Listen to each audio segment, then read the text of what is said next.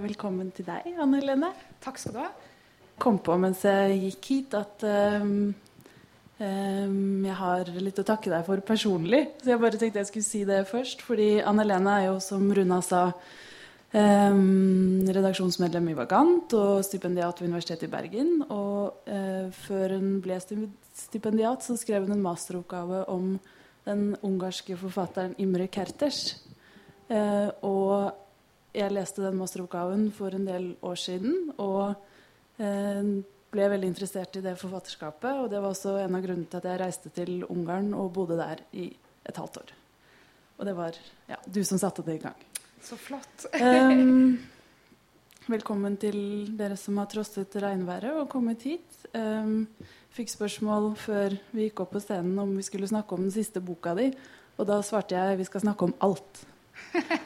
Så her er det mye å glede seg til. Um, som Runa nevnte, så debuterte Anne Helene som poet i 2014. Um, også 'Det uforsonlige finnes' er en diktsamling som viser frem den ytterste sårbarheten dyp krise. Jeg har selvmordet på tunga, kant i kant med tennene, heter det i et av diktene. Men dette er også en diktsamling som holder frem den påtrengende nødvendigheten av henvendelse og åpenhet mot verden. En utfoldelse som også skjer i det språklige, i skriften. Her finner vi både erfaringsnære og veldig konkrete dikt fra en psykiatrisk institusjon. Eh, dikt som skildrer ensomhet, smerte og sorgerfaringer i både urovekkende og vakre bilder. Men vi finner også dikt som skrider ut av den individuelle livsverden og eksistensielle erfaringen, og som har et vidt utsyn mot det historiske, det litterære, det politiske og det etiske. I høst er Anne Helene, som Runa nevnte, aktuell med en roman eh, som heter 'Bebo'. Og den tar opp igjen, eller utvider, tematikken fra diktdebuten. Eh, samtidig er det her en sårbar kjærlighetshistorie som fortelles, eh, hvor en ung kvinne møter en eldre mann og flytter inn i huset hans. Eh, I dette huset så bor de med stor ømhet for hverandre, men også med mye uro og trusler om oppløsning. I Bebo så pågår også, som i diktsamlingen, et kontinuerlig minnearbeid for jeg-personen. Eh, og for å bruke et bilde fra 'Også du forsonlige finnes', så gis de sprakende minnene som flammer i et bål, et språk, og blir erfaringer som både bebor og lever i jeg-personen. Det som kanskje ikke kan tåles, men som likevel aldri brenner ut, som det heter i diktsamlingen. Bebo er en roman som består av korte tekster, mange av dem holdt i et poetisk språk. Og her finner vi skildringer og refleksjoner om familierelasjoner, barndomsminner, psykologi, fotografi, litteratur og kunst som bryter opp narrativet og skaper en ramme som hovedpersonen forstår, forstår, seg selv og det hun opplever gjennom.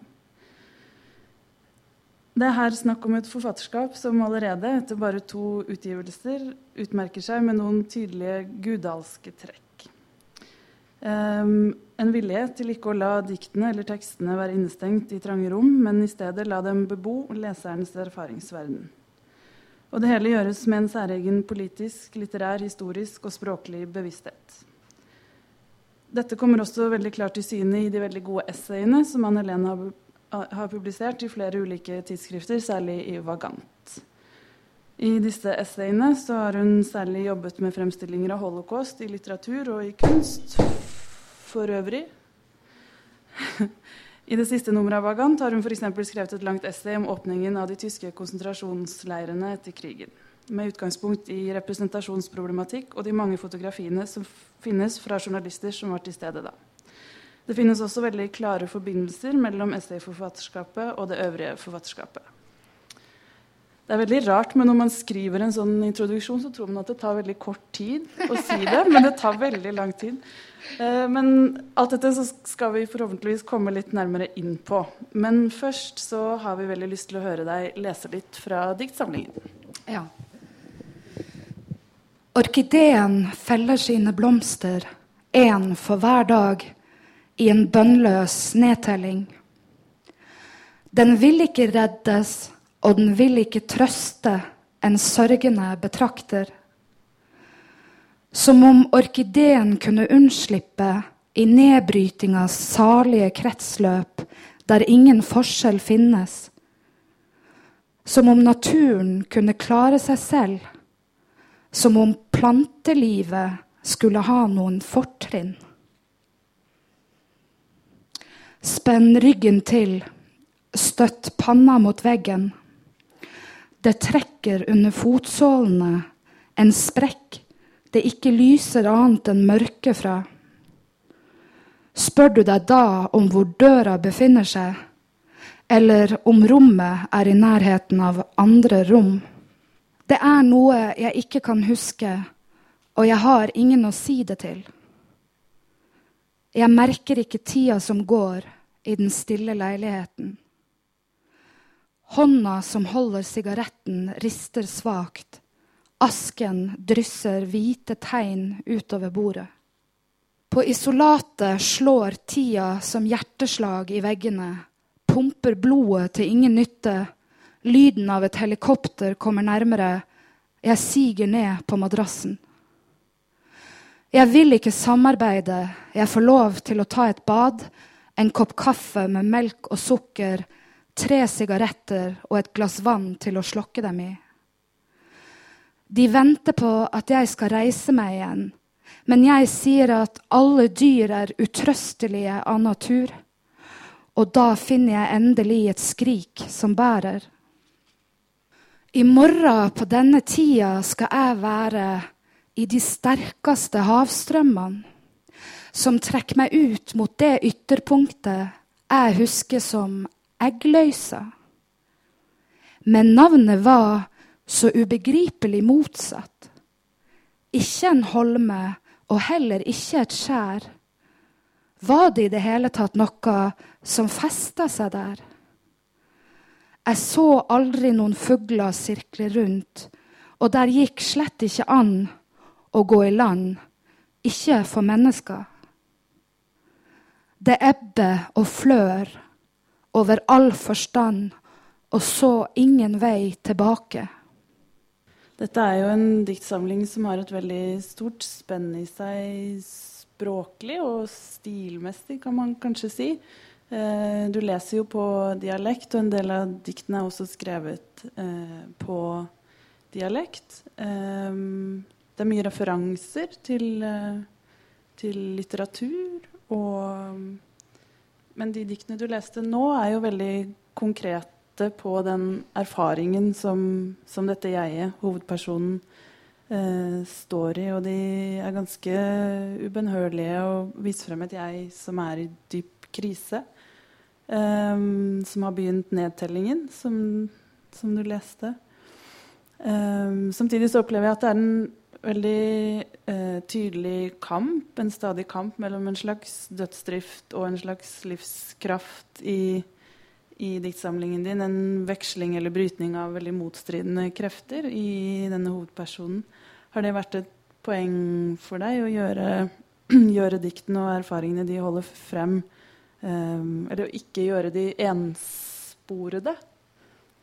Jeg tenker jo, jeg tenker jo at de, eh, de, færreste erfaringer er i seg sjøl enspora eller Eh, eller enkle. Eh, så eh, det har ikke vært sånn at jeg har sittet og liksom bevisst tenkt at nå har jeg det, så da må jeg ha det. Eller i hvert fall ikke akkurat disse diktene som har kommet til på en måte som som kanskje ikke var så intellektuelle i utgangspunktet. hvis du forstår. Altså, at diktene, Noen av de diktene kommer fra et sted som er mer eh, mer rått, eh, en mer ubearbeida erfaring som, eh, som eh, kommer til uttrykk ganske direkte.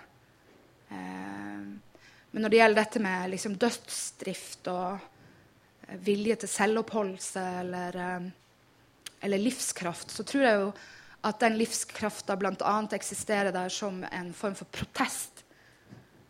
Som en trass som fortsatt finnes. Mm. Altså Riktignok er dette et jeg som på noen måte har brukket ryggen. Men, eh, men, eh, men det er allikevel en rest av motstand igjen. Mm. Som på en måte kan ses på som en form for livskraft. Mm. Jeg tenker jo nettopp det, det er nettopp det jeg syns er veldig sterkt med den diktsamlingen. At, den, eh, at det er veldig tydelig at dette jeget ikke klarer å overskue helt det det står i selv. Og dermed blir det veldig stort og kaotisk og sprikende, og det er veldig eh, voldsomt og rått, som du, mm. som du sier. Um, men når du snakker om denne, livs, vi snakker om denne livskraften, så, så det er jo en god del dikt som uttrykker en form for maktesløshet eller resignasjon. Mm. Um, så hva, hvor er det dette jeg finner et slags håp, eller jeg er, på, jeg er ikke sikker på om protest er det samme som håp. Mm. Altså, jeg syns håp er et vanskelig ord.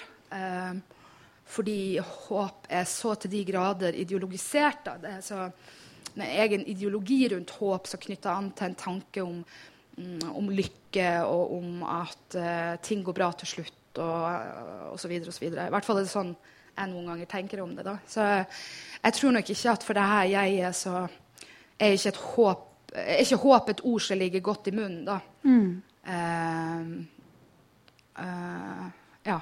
Mm tenker også at det er en, en veldig klar eh, Eller noe som er veldig tydelig i diktsamlingen, er jo også en tematisering av det språklige, eller selve skriften. Og et sted veldig tidlig så heter det at eh, denne ensomheten aksler ingen språk. Dette språket holder ingen oppe. Men det er jo også en eh, bevegelse å spore der eh, i retning av et språk, eller mm um, hun, eller jeg-personen finner en, en, vei ut av den språklige erfaringen, kan det virke som. Har du noen tanker om, om den um, jo, det er jo uh, altså I de diktene som uh, reflekterer over f.eks. det å skrive, eh, og hva slags handling det er å skrive, så eh, ligger det jo en tanke i det om at, eh, at skrifta er både eh, truende, eh, men også noe som eh, tross alt eh, kan hjelpe. Altså i mangel av andre ord. og det er, en, det er, vel en, sterk vilje hos dette diktet til å, å klare å språkliggjøre sine erfaringer. Eh, og til også å klare å nærme seg den grensa for hva det er mulig å si om, om en bestemt erfaring. En erfaring som, uh, uten at man skal liksom dra veksler på dette med de utsigelige erfaringer og sånt, Det blir lett noe liksom maniert over det, men det er også en realitet. Mm.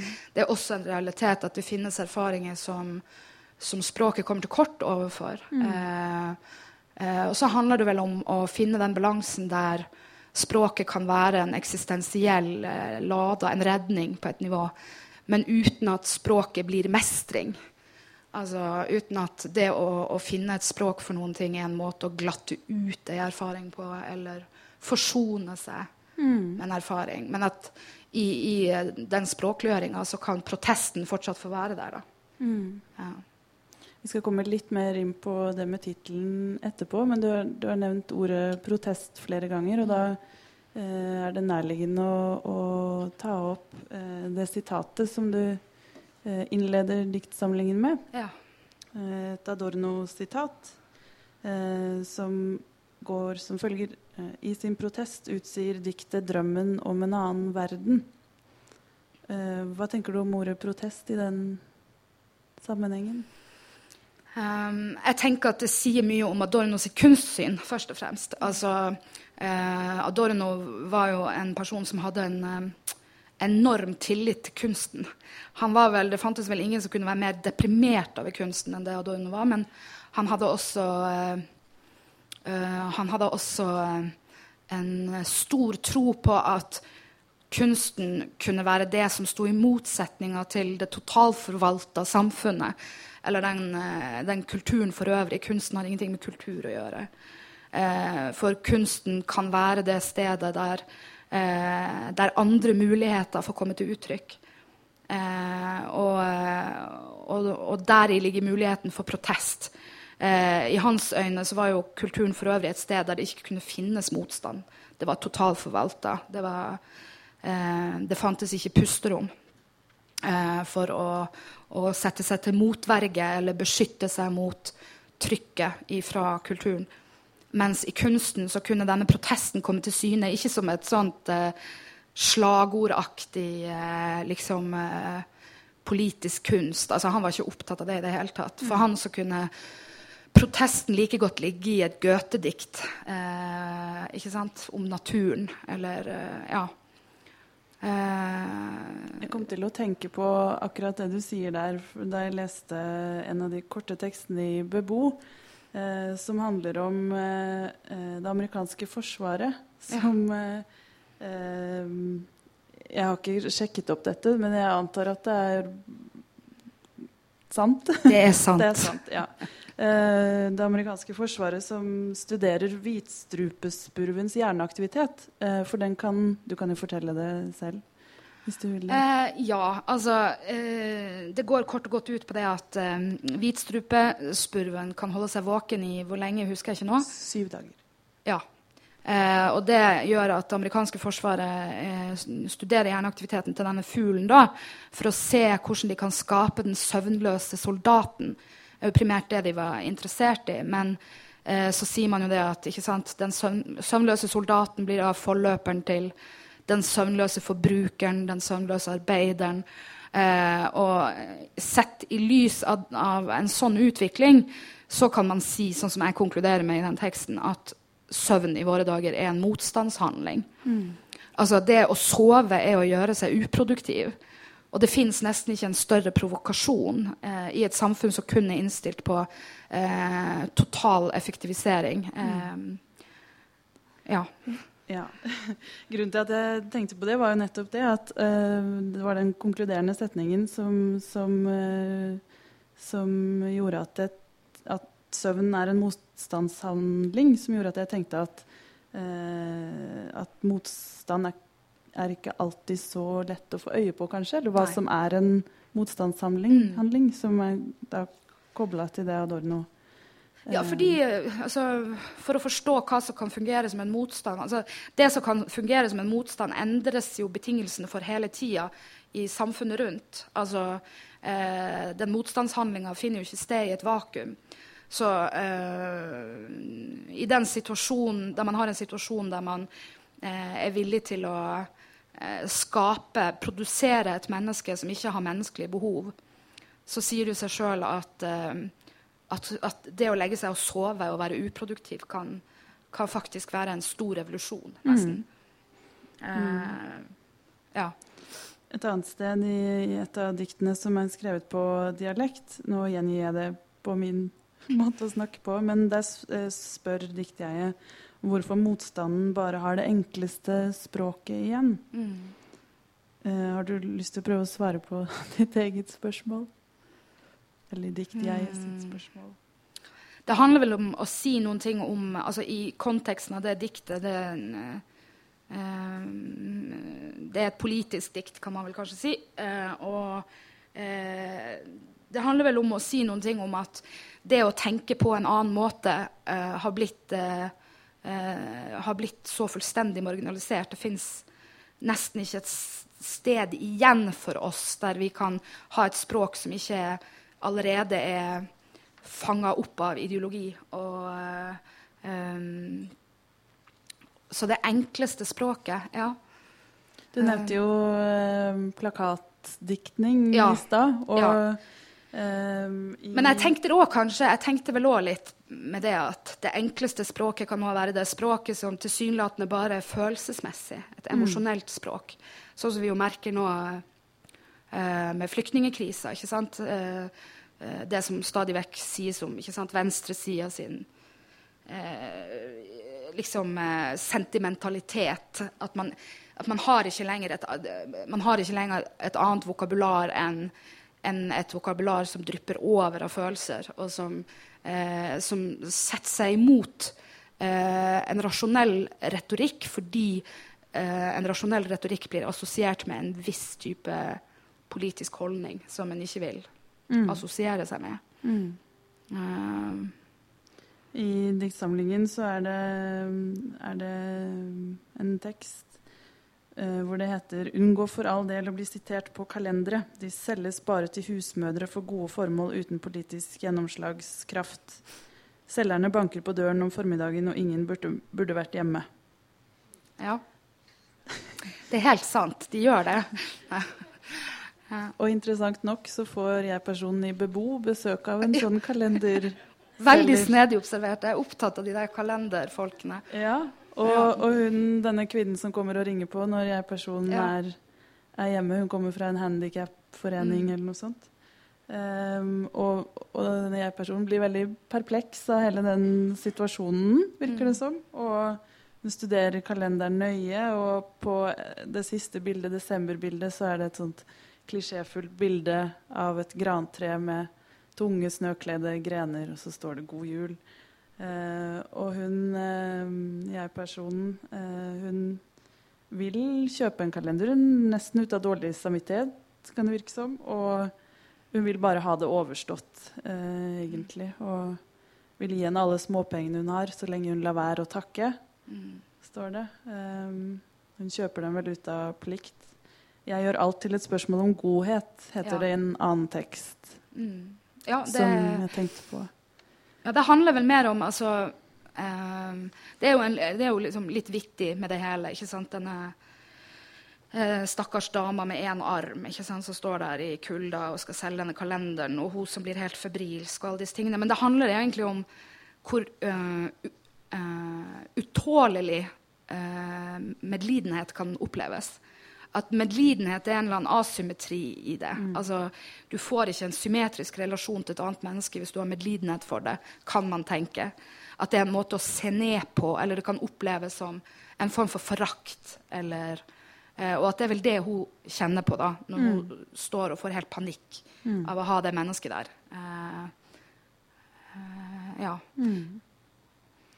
Eh, tilbake til denne andre verden til Adorno. Eh, noe av det jeg har tenkt eh, mens jeg har lest diktsamlingen din, eh, er at noe av den motstandshandlingen kanskje kan spores i eh, Også nettopp i tittelen på, på, diktsamlingen. At det er en måte å vise Eller jeg-personen viser frem en erfaringsverden som insisterer på å holde dette veldig åpent, som en slags motstandshandling mot noen eh, ja, eh, normer som forteller oss at, at, vi skal gå videre, vi skal glemme, vi skal bearbeide og forsone oss med, med, med våre erfaringer og våre smertefulle erfaringer.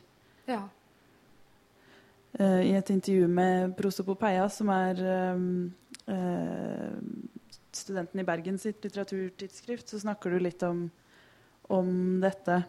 Um, hvor, uh, hvordan vi alle er Det nevner du vel også Adorno, tror jeg, eller et essay av han.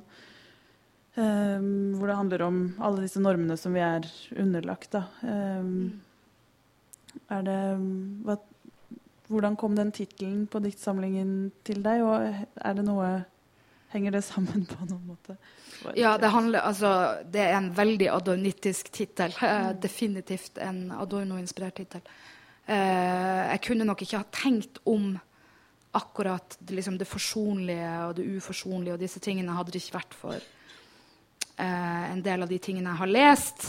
Imre Kerters også, mm. altså, for å nevne en skjønnlitterær eh, kilde. Men, men, Adorno har jo et kjent essay, som er, kanskje det jeg refererte til i Prospopeia, som heter 'Forsoning under tvang'.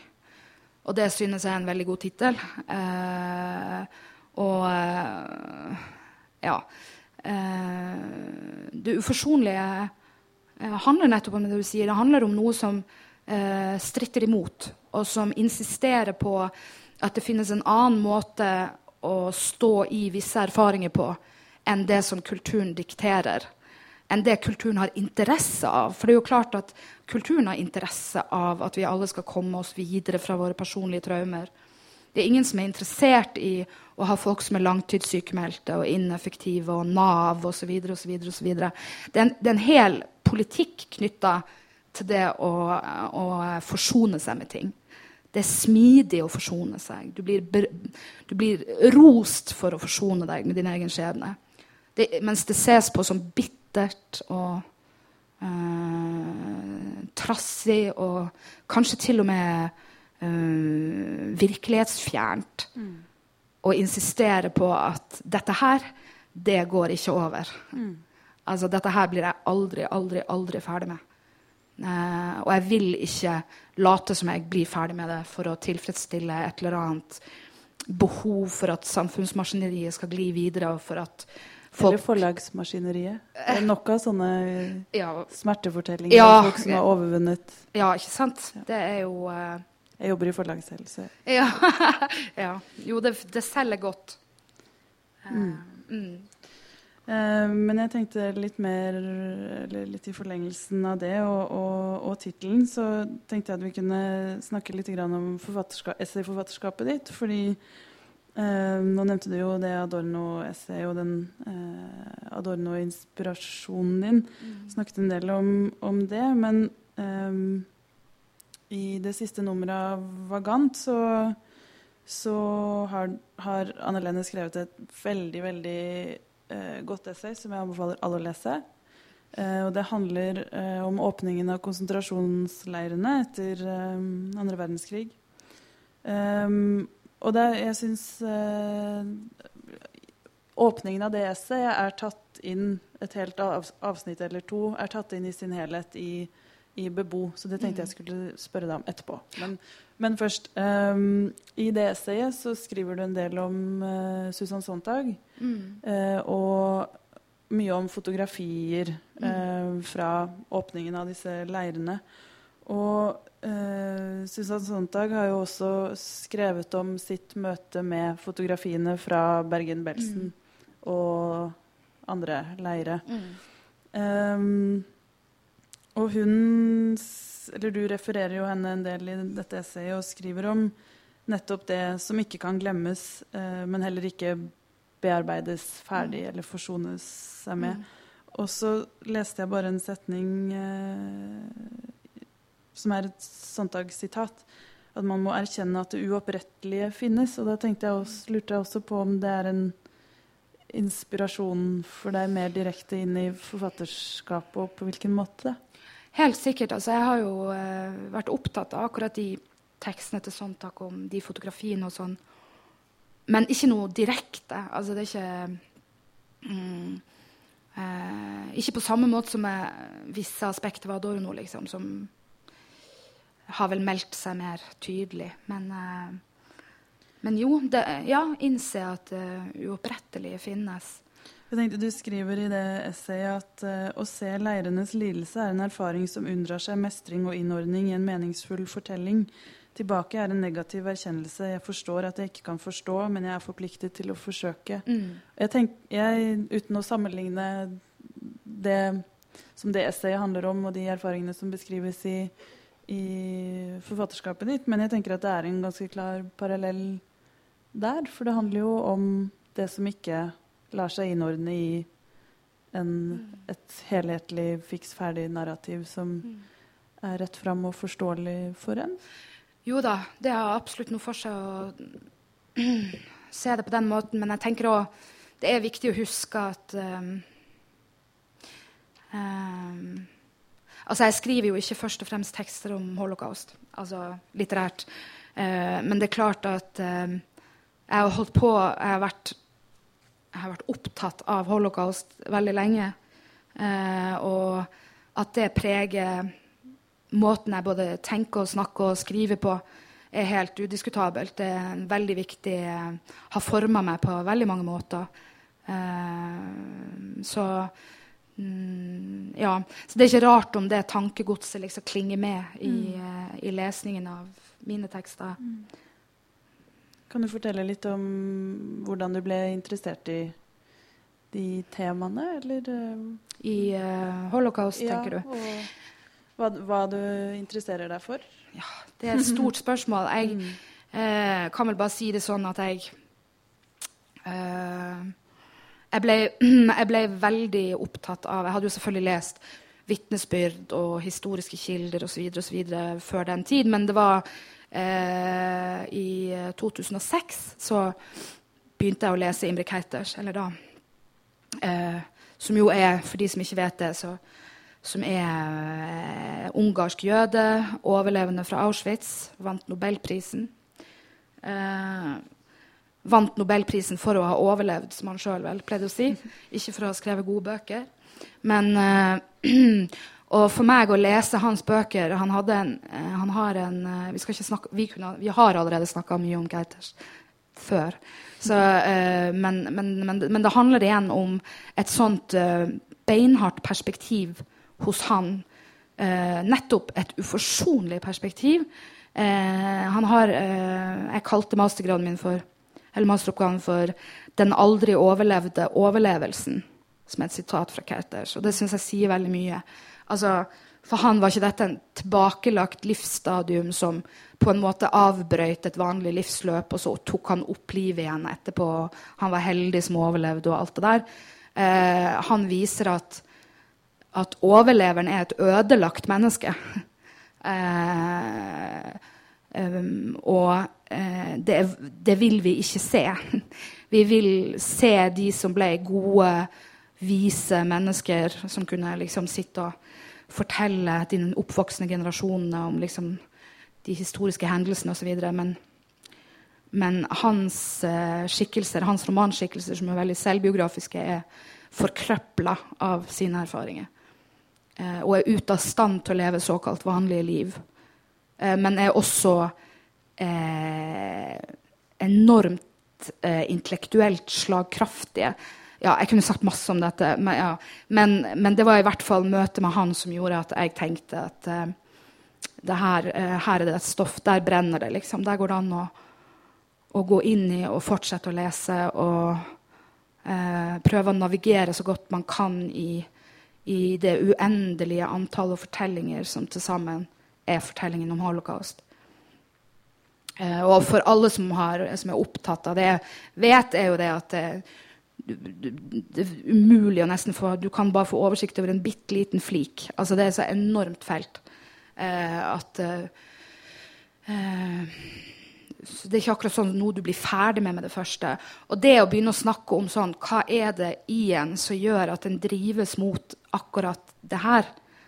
Eh, det er noe jeg lurer ofte på. Eller eh, det er noe jeg er opptatt av sjøl i min egen avhandling. I den litteraturen jeg leser, så er jeg opptatt av nettopp det. Hva er det som, er det som eh, vi som er på et nivå etterkommere, utenforstående Hva er det som gjør at vi allikevel opplever dette som en så rammende eh, som, som, en, del av vår fortelling allikevel?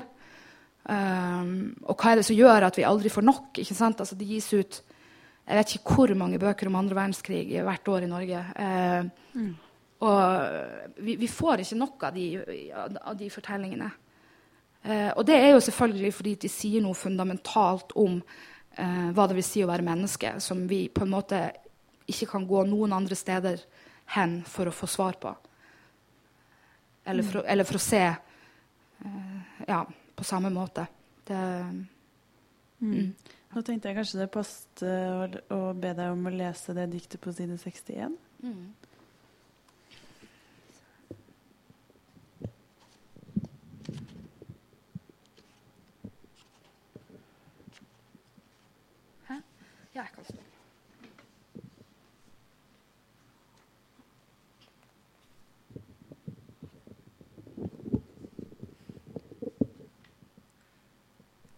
Jeg har to blinde øyne og sjelen den udødelige. Jeg har lovet meg selv at alt skal være en drøm. En annen drøm, helt motsatt. Men hver gang jeg krysser en terskel, blas kalenderen flere hundre år tilbake. Fra Peloponneserkrigen og Romerrikets ekspansjon til jeg brenner som heks under inkvisisjonen og rasler med lenkene i bunnen av nok et slaveskip, før jeg våkner til nervegassen og granatsjokkene. Med utsikt til krematoriene i det åpne vinterlandskapet, en askemettet himmelveg som fuglene skyr.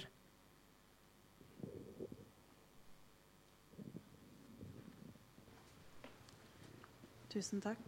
Vi snakket jo om kalenderen i stad, og her brukes jo kalenderen eh, Ja. på en annen måte. Eh, hvor eh, denne kriseerfaringen som jeg står i, blir kobla til historiske grusomheter. Eh, det er et veldig sterkt eh, dikt. Et eh, sted i eh, diktsamlingen så heter det at historien er uten tapserfaring, infernalsk sorgløs. Mm. Og et annet sted eh, Det er ingen som setter grenser for historien lenger. Mm. Så det er en eller annen slags sånn tidløshet over dette.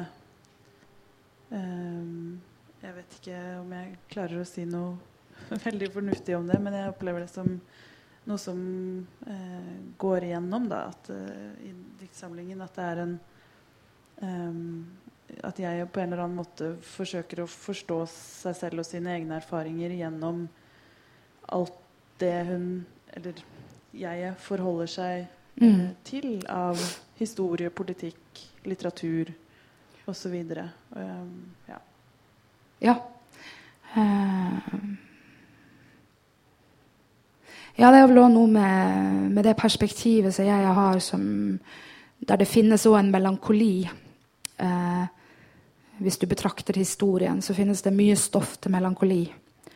Um, og uh, for, eh, for, for et deprimert perspektiv så, så kan jo historien fortone seg som uh, ja, som en endeløs rekke katastrofer som Walter Benjamin snakka om. Uh, og det er den jo også. Så det er, vel, det er vel et perspektiv som ikke er så langt unna den type katastrofestemning som jeg allerede befinner seg i. Mm. Også i Bebo så er det en scene hvor denne eldre mannen som jeg personlig flytter inn hos, står og grer håret hennes, tror jeg. Og så eh, begynner hun å tenke på konsentrasjonsleirene. Eh, og da eh, står det Alt befinner seg i samme tid, deres døde kropper og de levende hendene hans, fange, fangebrakken og huset vi deler. Som vel er Mm. noe av det du er inne på, på der. Mm. Men nå må vi snakke litt mer om Bebo. Jeg tenkte kanskje at uh, du kunne få lese det utdraget du hadde planlagt. Skal jeg lese det nå? Ja, hvis du Ja, det kan jeg godt. En gang jobbet jeg i en barnehage utenfor byen. Hver morgen måtte jeg stå opp klokka fem for å rekke bussen. Jeg var der en time før de andre kom. De ga meg nøklene for at jeg skulle slippe å vente ute. Det var høst og blåste mye. Det var et lite sted. Det var ikke mange barn der, folk flyttet derfra. De ansatte snakket ofte om hvordan det skulle gå med barnehagen. Fire var fast ansatte. Jeg vikarierte for den femte, som hadde fødselspermisjon. Jeg hadde ingen relevante referanser. På jobbintervjuet sa jeg at jeg var svært glad i barn, og fortalte at jeg hadde en niese som jeg ofte satt barnevakt for. Jeg ble lovet jobb i to måneder, kanskje tre. De visste ikke sikkert når kollegaen kom tilbake. Hun var så sliten, sa de, for det nye barnet hadde kolikk. De spurte om jeg hadde tenkt på å få barn. Du er så ung, sa de. Du har ennå god tid. Et plankegjerde var satt opp på den siden av lekeplassen som vendte ut mot veien. Ingen av barna klarte å klatre over det, ingen prøvde heller, det så ikke ut som om de la merke til at det var der. Det var nesten ikke trafikk langs fjorden, men en gang hadde det vært det, fortalte de ansatte. Den gangen var det helt nødvendig å bygge et gjerde. Etter den første uka begynte jeg å legge merke til en mann som stoppet opp og tittet over gjerdet. En dag gikk jeg bort til ham og spurte om han var der for å hente et av barna. Jeg strakte hånda over gjerdet og presenterte meg. Han sa hva han het og ristet på hodet. Nei, han hadde ingen barn i barnehagen. Han smilte og sa at han måtte videre. Jeg ble stående og se etter ham. Han gikk opp bakken ved siden av barnehagen. Det lå et gammelt trehus på toppen. Han gikk inn uten å snu seg. Jeg måtte vente en halvtime på bussen etter jobb. Selv om jeg kunne vente innendørs, pleide jeg å være ute på lekeplassen for å røyke. Jeg satte meg på en av huskene med en sigarett, sparket fra med føttene. Når huska nådde det høyeste punktet, kunne jeg se over veien og ned til sjøen. Mannen kom forbi. Han kikket inn på den tomme lekeplassen. Jeg satte føttene i bakken for å stoppe farten. Det kom en skrikende lyd fra kjettingene. Han snudde seg og oppdaget meg. Du må ikke stoppe for min skyld, sa han. Jeg reiste meg og gikk bort til gjerdet. Jeg skal snart dra uansett, sa jeg. Du bor ikke her, sa han. Jeg ristet på hodet. Jeg bor i byen. Bussen kommer om fem minutter. Så tungvint, sa han, å kjøre buss hver dag. Nei, jeg liker det. Det er beroligende. Fart er alltid beroligende, merkelig nok, sa han og, lo, og la albuene på gjerdet. Hvorfor står du og spionerer på den måten, spurte jeg. Det er ekkelt at du ser på dem når de ikke vet at du er der. Han slapp armene ned langs kroppen. Det er ikke sånn, sa han. Det sved mellom fingrene, sigaretten hadde brent ned til filteret.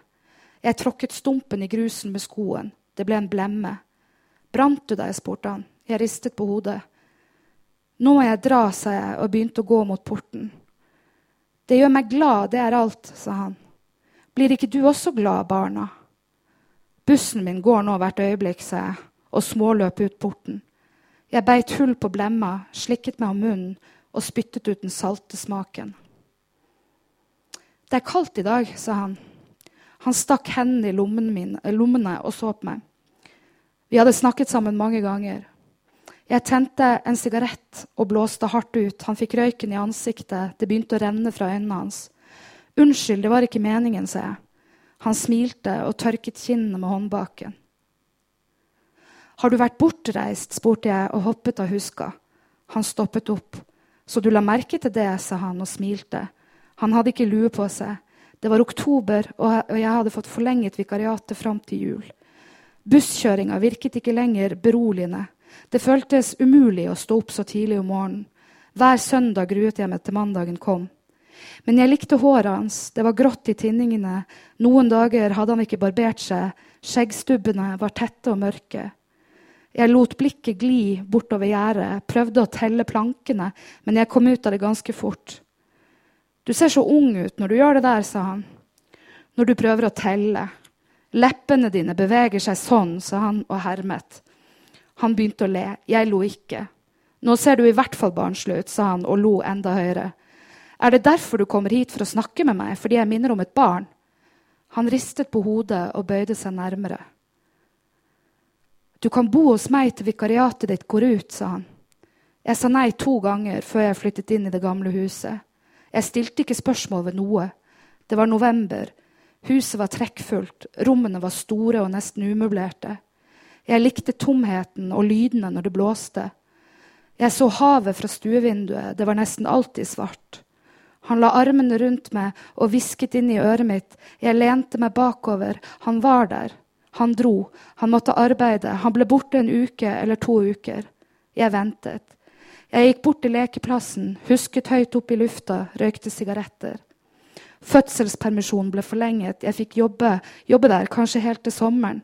Jeg ble værende. Jeg malte kjøkkenet og hengte opp bilder på alle veggene. Han foreslo det. Nå bor du her på ordentlig, sa han. 'Hvorfor har du ikke gjort noe med hagen? Det ser ut som om ingen bor her', sa jeg.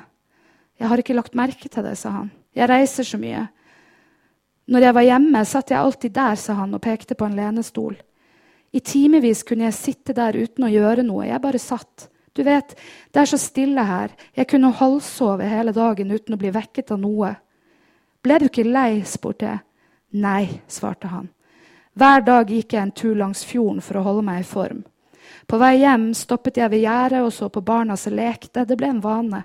Så mye lyd. Jeg lærte meg å sette pris på dette huset ved å høre på barna som lekte. Det er stille ute i hagen også, sa jeg. Ikke på samme måte, sa han.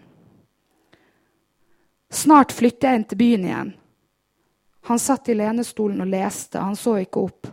Hører du? sier jeg. Han nikket og fortsatte å lese. Når jeg ikke kan jobbe her lenger, må jeg ha en ny jobb. Han la fra seg boka og så på meg. Kanskje skal jeg ut og reise når jeg har spart opp nok penger. Hvor kan du tenke deg å dra? spurte han. Jeg trakk på skuldrene. Jeg burde reise mens jeg ennå er ung og ikke har noe som holder meg tilbake. Han nikket. Jeg sto på gulvet og så på ham, slapp ham ikke med blikket. Etter en stund reiste han seg og gikk forbi meg. Jeg hørte skrittene hans opp trappa, over gulvet, inn på soverommet. Jeg fant et ullteppe og la meg på sofaen. Hver gang han snudde seg i senga, så våknet jeg.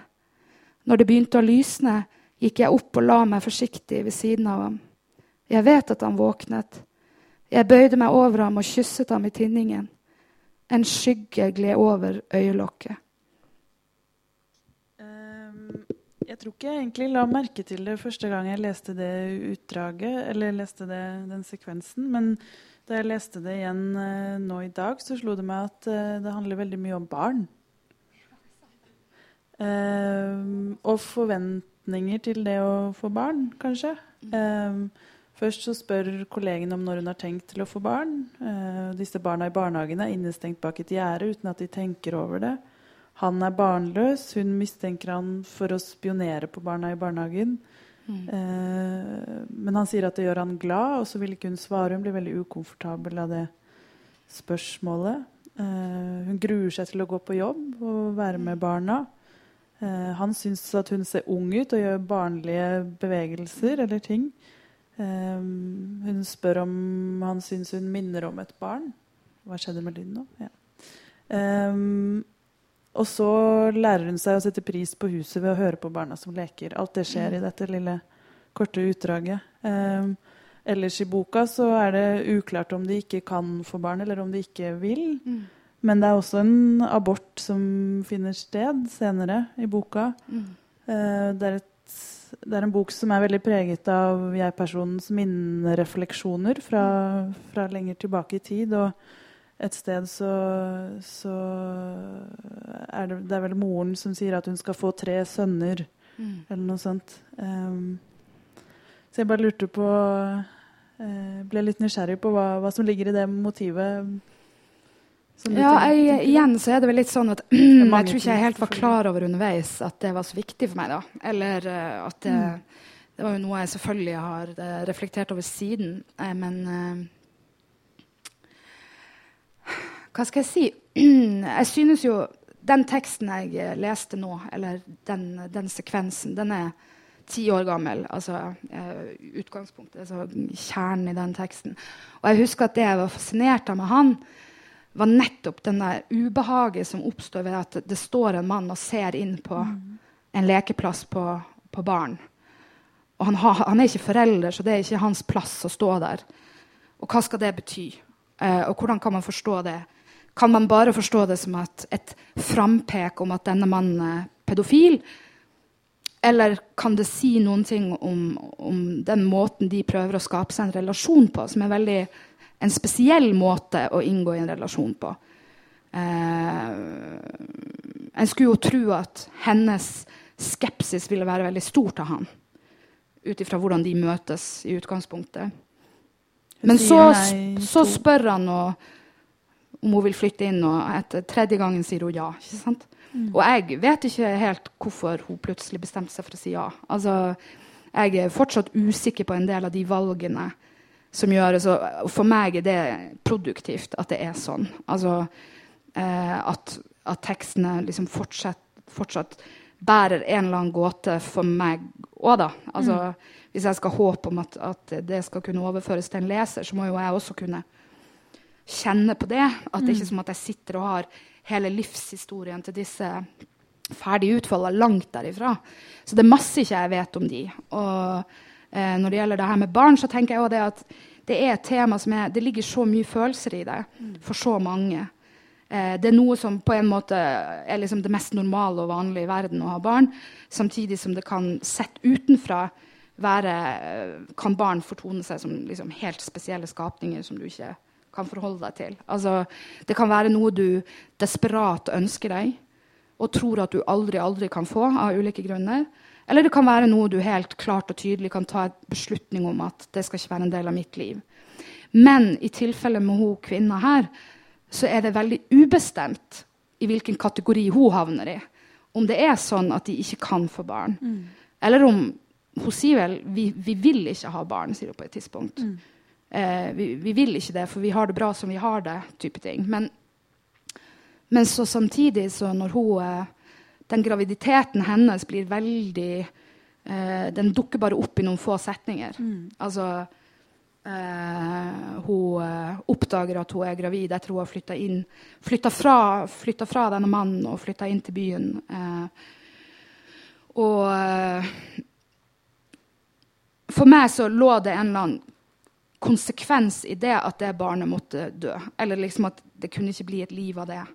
Det kunne ikke bli et liv av det, det forholdet de hadde. Mm. Eh, det, det, ville på en måte ikke stemme. Eh, men, det, men, men, det, er en kompleks ting å vite hva hun, hva hun eh, eh hva slags ønsker hun egentlig har for dette barnet. For antageligvis er ikke det enkelt på noen som helst måte. Men eh, jo, det er masse barn. Og det er, masse, det er jo også en niese mm. som, som, har en uh, rolle i boka. Mm. For jeg tenkte også litt på den eh, barnlige erfaringen, da. Altså det å være barn. Ja. Eh, disse barna i barnehagen som er innrammet av dette gjerdet og ikke tenker over det. Mm. Lever en tross alt eh, ganske beskyttet tilværelse, forhåpentligvis. Og så bare slo det meg nå at det står i det utdraget, uten å legge altfor mye i det, men så hun inntar jo barnets plass ved å sette seg i disse huskestativene mm. og, og huske, ja. huske, selv. Jeg lente meg bakover, han var der. Eh, altså At det er en slags sånn overgivelse, mm. nærmest, eh, i, i, det. At den Ja. Og, og, men det fikk meg til å tenke på en annen tekst. Det er veldig mye uh, Eller det er en del referanser til fotografier og, og kunst i, i denne boka. og i en tekst så, eh, som handler om en fransk-amerikansk kunstner som mm. heter Louise Bourgeois. Bourgeois. Bourgeois ja. Eh, så står det Fugler hører hjemme i bur, mennesker også, for å lære seg å lengte. Og da blar jeg personen i en bok med bilder av denne kunstneren, eh, av noen celler. Og det er en bronseskulptur av en kvinne som, har, som ligger spent bakover mm. på en seng. Eh, og så står det eh, 'Je t'aime' på dette lakenet. Jeg vil inn i bildet, finne en stelle og legge meg ned, overgi meg til Louise Bourgeois' magre hender. Jeg, bare tenkte på det, eller den eh, ønsket om å bli fratatt ansvar på en eller annen måte. Mm. Um, ja, det, jeg har ikke tenkt på det på den måten, men det er helt åpenbart en parallell til hvordan hun er i relasjon til mannen. Men mm. Det er, det er, jo en styrke ved boka at den ikke gir noen entydige svar. Også deg, for deg som forfatter, som du sier, men, men også for, for, leserne. At det, det setter i gang eh, veldig mye. Og det er veldig, den relasjonen mellom disse to menneskene er jo veldig uklar. Man ser det ikke så tydelig. Det er scener, og det er uh, mye minnebilder i denne jeg-personen. Mm. Um, fra en barndom og en familiesituasjon. Og, um, Mens han vil ikke snakke om barndommen? Nei. Um, Kategorisk. For det er lenge siden han var barn. Mm. Det, ja, de er veldig forskjellige der. Mm. Eh, vi mailet litt forrige uke, og da sendte jeg deg et uh, Kafka-sitat. Ja. Eh, og det går sånn Jeg er et minne som har blitt levende. Treffer det, syns du, denne boka? Jeg syns bare først og fremst at det er en veldig vakker setning. Mm. Altså, så jeg klarer ikke å ta stilling til om det Eller jo um, Det er jo i høy grad uh, snakk om minner i denne boka. Mm. Hun er vel eh, en ansamling av sine minner. Det er det som holder hun sammen. Mm. Hun mangler en tydelig forankring i seg sjøl og i verden. Men hun har en rekke minner og de uh, nøster seg til hverandre som en slags måte å være på, tenker jeg. Mm. du innleder jo også denne boka med et sitat, ja. uh, og nå er det Roland Barth. Ja. Husker du det utenat? Eller jeg har det her. Du, nei, vet, akkurat nå står det helt stille. jeg kan lese det. Du glemmer ikke, ikke, men noe klangløst tar bolig ja. i deg. Mm. Uh, kan du si noe om forholdet ditt til Bart og det sitatet? Nei, jeg kan egentlig ikke det annet enn at eh, med fare for å høres veldig overfladisk ut, så syns jeg igjen det var en veldig vakker setning. eh, men eh, Selvfølgelig ikke bare det. Men den, det er en setning fra ei posthumt utgitt bok som heter 'Sorgens dagbok'. Mm. Som Roland Barth skrev, ei reell dagbok som han skrev eh, da han mista sin mor. Eh, og han hadde et veldig, veldig, veldig nært forhold til sin mor. Og hele livet hans falt sammen da hun gikk bort. Og det må jo også sies at hun døde ikke når han var barn. eller noen ting Han, Hun døde bare noen år før han sjøl eh, døde. da. Eh, men det syns jeg er en veldig, veldig bevegende bok. Jeg har bare lest den én gang, uh, men jeg ble uh, Der var det mange setninger som sto seg ut.